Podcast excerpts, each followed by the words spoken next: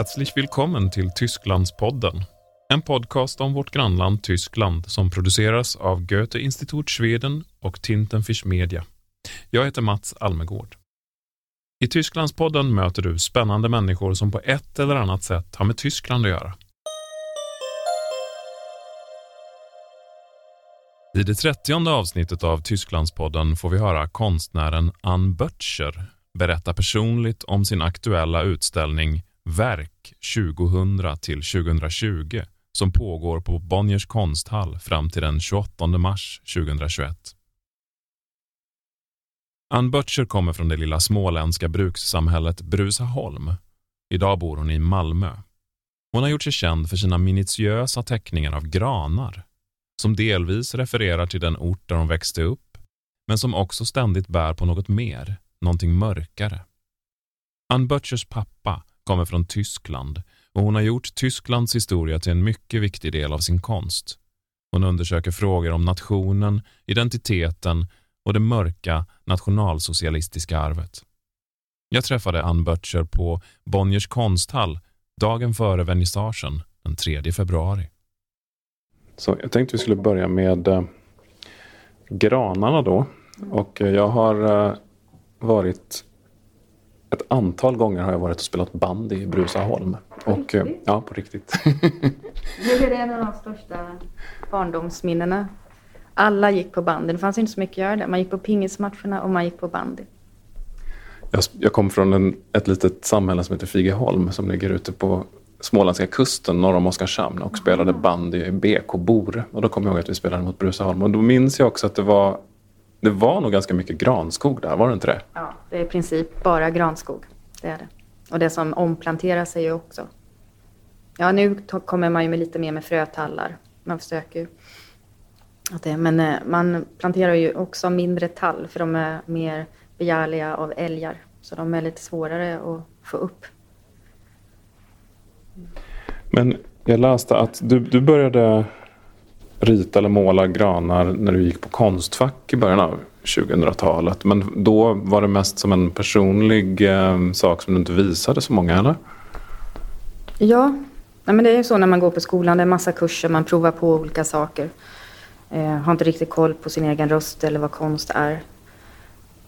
Men eh, jag har alltid och och börjar mig mer och mer intressera mig för romantiska målare som Caspar David Friedrich till exempel. Men också Carlton E. Watkins, fotografer från USA. Det var landskap som vissa bilder som jag verkligen kände igen mig i. Som, det såg ut som fysiska platser som jag varit på. Och de var relaterade till där jag kommer ifrån. Som en målning av Caspar David Friedrich som heter Frühschnee, tidig snö.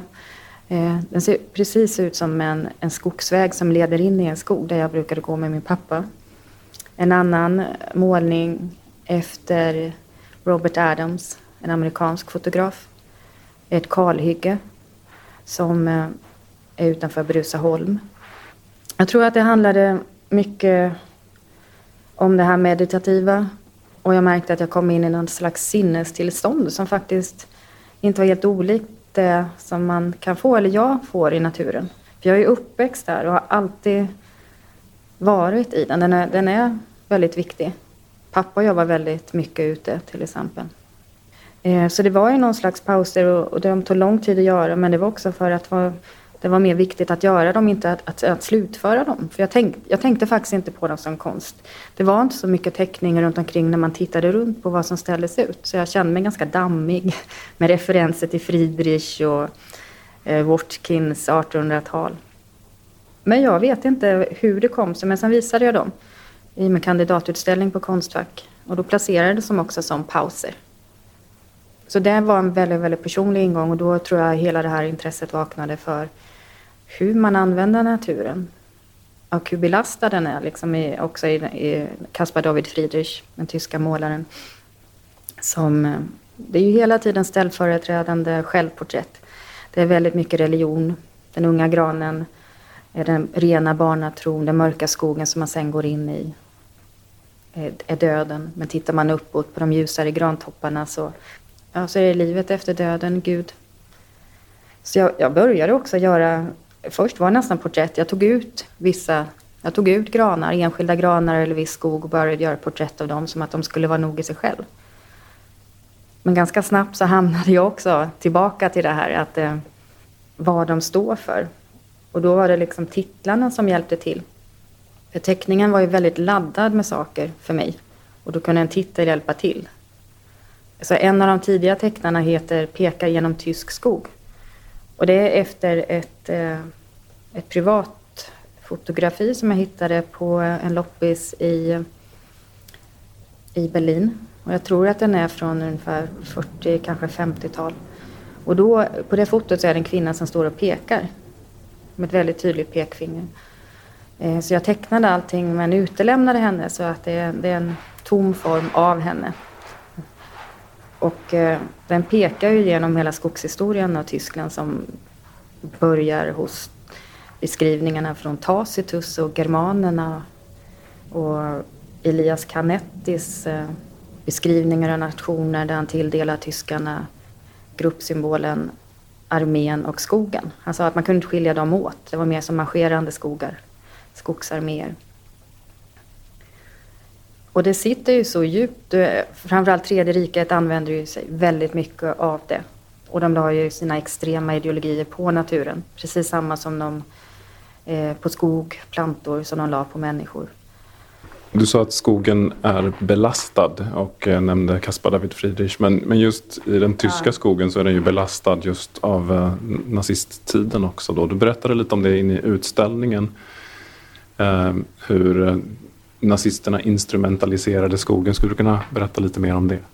Ja, dels Canetti som jag talade om. Men han eh, måste ju också haft Tacitus i tankarna. Cornelius Tacitus skrev Germania. Jag tror det var 90 efter Kristus ungefär. Och där beskriver han ju slaget i Teutoburgerskogen runt eh, Bielefeld Åsnabrück. Och idag beskrivs ju det slaget som ett av de viktigaste slagen. Framförallt i Europas historia. För det var där germanerna samlades av Arminius som var hövdingasonen till en germanstam. Och han var uppväxt och utbildad i Rom.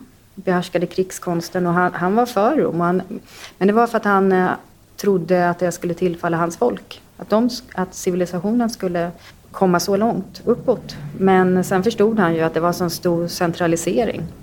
Då vände han och då samlade han för första gången de här olika germanstammarna som innan hade stridit inbördes. Och så gjorde de ett bakhåll när legionen, det var tre legioner som skulle från sitt sommar till vinterläger lite söderut då. Och då lurade de in dem i den här skogen som eh, Eh, eh, Simon Schama har skrivit mycket om det också. Ehm, att det är i en skog som de kände lika väl som sig själva. För romarna hade ju vinnet, vunnit på, på, på öppen mark med sina stridstekniker. Men eh, i skogen på smala vägar där de hade förberett träd som var redan avsågade delvis men hölls uppe med rep. Och de gick genom trånga raviner och sumpmarker och på givna signaler så höggs de här repen. Och de här tre legionerna förintades 30 000 man. Och det var en enorm chock för Rom. Och de avancerade aldrig riktigt. De, de avancerade inte längre norrut efter det. Jag tror det var något litet när de försökte slå ner men och de talar ju om om det här slaget inte hade skett så hade ju hela Europas karta sett annorlunda ut. Vi har ju de latinska och germanska eh, språkgrupperna till exempel, kulturen. Och sen när han skrev om det här då, så skrev han också om att germanerna på grund av deras geografiska läge inte hade blandats med alla andra folkgrupper. Så att eh, deras blod var lika rent som den omliggande naturen, plantor och träd. Och det här, för honom var det väl kanske mer som en allegori eller beskrivning. Eh, men när nazisterna och framförallt Himmler eh, fick nys om den här boken så såg de ju som ett, det var ju som ett födelsecertifikat för den tyska rasen. Det passade, så de såg det som en bibel och de försökte, få, de försökte ju verkligen få tag på den. De var nere i Rom i kloster och letade men den lyckades hållas gömd. Mm. Men den här fascinationen för eh, skogen och hur skogen har framställts eller använts i tysk historia är ju också något som är väldigt eh, personligt för dig. Ja, eh, pappa är tysk. Jag är halvtysk då. Eh, och jag var tysk medborgare tills jag var tio. Eller det var ju dubbelt medborgarskap. Jag är uppväxt i Sverige och på den tiden kom, då fick man ju inte välja till slut. Så då ja, blev det naturligt att jag blev svensk. Och, men jag är en, en sån person som alltid varit intresserad av historia, eh, skola. Född med ett dåligt samvete. Eh, som, så jag har hamnat i, ofta, mycket i den här tredje generations tyskar. Men också med tidens kommer en distans och så kommer frågorna upp. Och, och den mest ställda frågan är väl, visste ni ingenting? Verkligen. Men sen har jag också, jag kommer att tänka på Tysk höst av Stig Dagerman. Så jag, jag har gjort ett nytt verk eh, som är, eh, det heter Fate och sen eh, Det Organize linje. Och Stig Dagerman var ju som journalist som 21-åring nere för Expressens räkning för att täcka vardagslivet över Tyskland i ruiner och människorna som levde där. Och det var redan 1946. Eh, han gav, eller, ja, den gavs ut 47. Och det var andra journalister där också och andra journalister letade ju efter de här det var ju mycket den här kollektiva skulden som lades på alla tyskar. Men Stig Dagerman, han, han, hade, han vågade väl ha en mer human syn. Att han tyckte att, att man kunde se en individ, även om den var en tysk så hade den rätt att vara ett offer. Man inte kunde lägga hela den här kollektiva skulden på allt. Vissa eh, andra journalister var ju så extrema att det kunde vara familjer som levde i ruiner eh, med vatten upp till knäna och hade ingen mat. Och så kom journalisterna och frågade, hade ni det bättre under Hitlers tid? Det är självklart att personligen, de hade mat, de hade husrum och sa de ja, så blev det direkt den här att de är tyskar är onda. och jag tycker också att vi kanske kommit till en tid att man, att man kan titta på den historien utan att ta ljus ifrån förintelsen och, de här, och utan att lägga någon värdering däremellan. Och jag har alltid varit intresserad av pappas historia och ställt frågor och han har inte alltid varit villig. Han, gick, han sa det, han, han, tog, han gick vidare för länge sedan, men det är också ett skydd. Det var först när jag gjorde ett verk om svensk nationalism. Och då sa när, vi började, när jag berättade för honom så sa han, men sluta, du gräver din egen grav, du kan inte hålla på med det här. Han var rädd för hur jag skulle tas emot i konstvärlden då. Men jag sa, men det här handlar inte om dig pappa, det handlar inte om Tyskland, det handlar om Sverige ringarna på vattnet var större än så. Och det var som att jag, jag nästan såg hur han slappnade av. Och efter det började han prata på ett annat sätt. Också hur han upplevde det. Han har varit väldigt mycket i Norge. Och han är ju en äldre generation och när han mötte generationer i sin ålder som hade varit med om ockupationen, tyska ockupationen av Norge så han märkte att han blev bemött på ett annat sätt. Så han sa alltid sen att han var svensk när han var där. Men han har också den här historien som går tillbaka till Stig Dagerman efter gränsdragningen efter kriget, när Europas karta ritades om, framförallt Tysklands, efter Potsdamkonferensen, så sköts ju den här Eh, ryska zonen västerut, vilket gjorde att Polens gränser också kom västerut. Och pappa uppväxt eh, precis vid Oder-Neisse-linjen, som är den här tydliga gränsen. Det här var bara någon mil eller någonting. Eh, och där har de levt då som tyskar i ungefär 200 år på en släktgård. Och de tvingades ju fly därifrån. De ville inte först, eller farfar ville inte först, men farmor lyckades övertala honom. Så de lyckades fly via pråmar, eh, hamnade i flyktingläger kort i ett kloster. Och tyskar som fördrevs eh, österifrån fick ju leta upp en ny bit land av den tyska staten. Så de fick en liten valde bit land eh, nordöst om Prenzlau. Eller i närheten av Prenzlau som är nordöst om Berlin. Så byggde de upp eh, en ny liten bondgård. Eller det var egentligen bara ett litet hus och halva huset var ladugården. Så från köket så gick man in och så stod korna där. Men detta var ju den sovjetiska zonen. Så sen när gränsen blev tydligare och tydligare och skulle stängas så flydde de igen. För eh, min pappa och hans bror hade redan flytt och då ville farmor och farfar inte vara kvar. Så de packade en väska, eh, sa inte till någon, lämnade djuren. Och så tog de tåget över bara några veckor innan det var stängt. För pappa var det lite mer odramatiskt. Han hade tagit tunnelbanan från öst till Västberlin och sen flögs de över. Men den här historien är ju, den är ju generell för miljoner tyskar. Pappa och jag har varit där. Eh, det heter, innan hette det Jasenitz, nu heter det Jasenica, eller hur det uttalas på polska. Så vi har varit eh, tillbaka till det huset. Och där bor det nu en polsk familj i fjärde generation. Pappa träffade dem för några år sedan när han var där. Han var där för 20 år sedan. Eh, också den äldre mannen, han är död nu. Men som flyttade in där. Men den, de polackerna, de var ju i sin tur fördrivna österifrån. Så de hade ju en liknande historia. Eh, så vår familj har heller inte haft några krav på huset. För de, de blev lite obekväma när pappa först kom och knackade på. Han sa väldigt tydligt att det inte var det det handlade om. Han ville bara återbesöka. Sen har kommunikationen varit svår. De talar inte tyska, vi talar inte polska, de talar inte engelska. Men en sak som var, när pappa och jag var där, som var helt... För oss var det väldigt förbluffande att ett av pappas tidigaste barndomsminnen är från en bombräd. De hade en ganska stor gård, så de hade ett skyddsrum i ladugården dit grannar också kom. Och så var det väldigt kraftigt anfall. Och farfar han brukade alltid stå i dörröppningen där uppe och titta ut som att det var ett fyrverkeri, inte riktigt se allvaret i det. Men så kom det en otrolig smäll och han sprang ner och sa nu dör vi allihop. Och sen var det bara en liten plopp.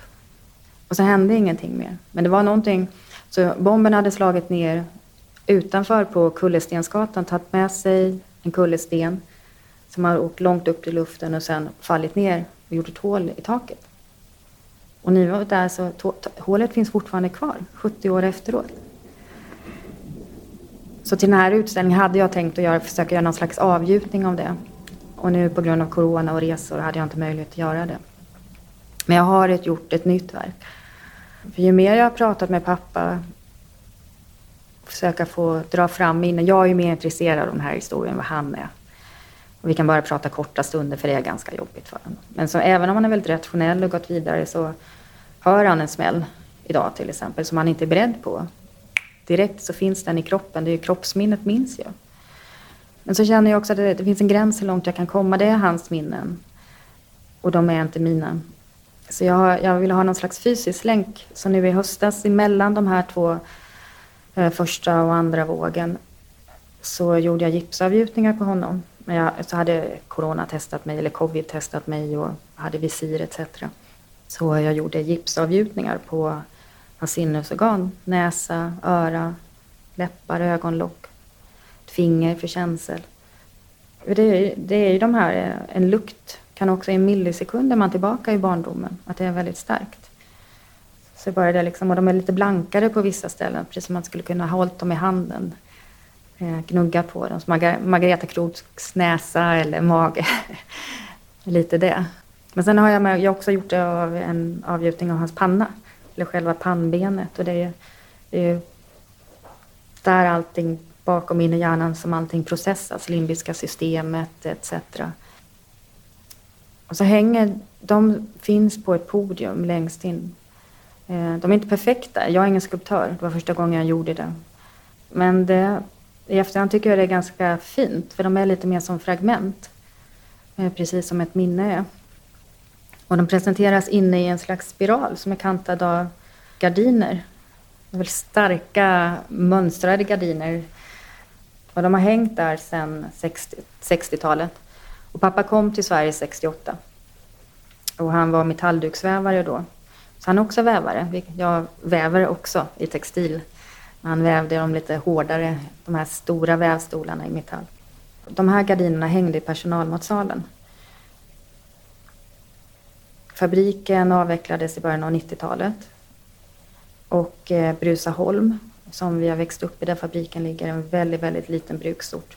Så då var det 70 personer som fick gå. Det påverkade ju samhället väldigt mycket. Eh, så det är ju ingen som ville satsa något nytt där. Och då var det det här som ofta sker att en man fick ta över det för en krona gentemot att han skulle ta hand om det, vilket han inte gjort. Och det är en fantastisk byggnad. Det, hade, det, hade den byggnaden varit i Stockholm hade han tagit hand om den. Det hade varit kulturminnesmärkt. Det är gjort av Jag vet inte vad han heter. Det har jag inte tagit reda på än men arkitekt. Det är otroligt fint 60-tal där inne. Personalmatsalen är väldigt fin och där inne har de här gardinerna hängt. Jag, tittat på, jag har alltid tittat på dem och frågat tidigare om jag fått dem men jag har inte. Men nu i somras så frågade jag igen och då fick jag ta dem. Och de, men de har ju hängt där. De, eh, de har blekts av, de är blekta, de börjar vittra sönder, de är fuktskadade. Eh, Eller har fläckar på sig. Men just den här blekheten och söndervittringen, det, det är ju en parallell med minnen. De, de ju, tenderar ju att vara likadana. Eh. Så det här verkade på något sätt som ett slags accepterande. Jag kommer inte längre än så här. Och det känns på ett sätt som ett avslut. Att, kanske, att jag kanske kan lämna det här. Det är det senaste verket jag har gjort, men jag har också pratat om det att det skulle faktiskt kunna vara det allra första jag gjort om Tyskland. För jag tycker det är något introducerande. Det är nästan förklarande varför jag har hållit på med det här i 20 år. Det är ju en retrospektiv här på Bonnier konsthall nu. Har det, har det känts skönt att gå igenom de här gamla verken då? Alltså blir, det, blir det som en nystart nu då som du antyder? Jag tror att det blir det. Det var både skönt och jobbigt att gå igenom den. Det blir så konkret att har jag inte gjort mer än så här? Samtidigt som jag trodde att jag inte skulle kunna fylla upp rummen. Men det var verk som inte kunde ha med för att de var så stora. Och jag tyckte det var lite konstigt med retrospektiv, just det namnet. I, Eh, på engelska har man ju det här namnet mid-career. Och då antyder ju det en helt annan sak. Så gammal är jag ju inte. eh, men nu tycker jag faktiskt retrospektiv är ganska skönt. Det är, någon, det är som att någon har paketerat in det åt mig. Jag har fått en given ram som på ett sätt har något slags avslut. Inte bara i det här nya senaste verket men också i själva ordet retrospektiv. Så det känns ganska fritt. Att jag, jag kan lämna det här om jag vill jag kan göra någonting helt nytt. Eh, så även om det är massa verk i huvudet som är kvar som jag inte hunnit göra än. Flera verk med det här som jag pratar om, bombhålet till exempel. Men eh, alltså jag vet inte, men det känns ganska skönt. Sen är det ju det som konstnär att eh, världen klarar ju sig utan fler verk om mig. Rent konkret. Sen får jag ju säkert göra fler om jag vill. Men det känns skönt. Vi hoppas att du vill göra fler verk. Stort tack Ann. Tack själv. Det var väldigt roligt att prata. Missa nu inte den fantastiska utställningen Verk 2000 till 2020 av Ann Butcher på Bonniers konsthall som pågår fram till den 28 mars 2021. Tysklandspodden är slut för denna gång. Tysklandspodden produceras av Tintenfisch Media AB för Goethe Institut Schweden. Ljudproducent är Andreas Tilliander. Har du förslag på någon som du vill höra i Tysklandspodden? Mejla info stockholm snabela goethe.de och berätta det.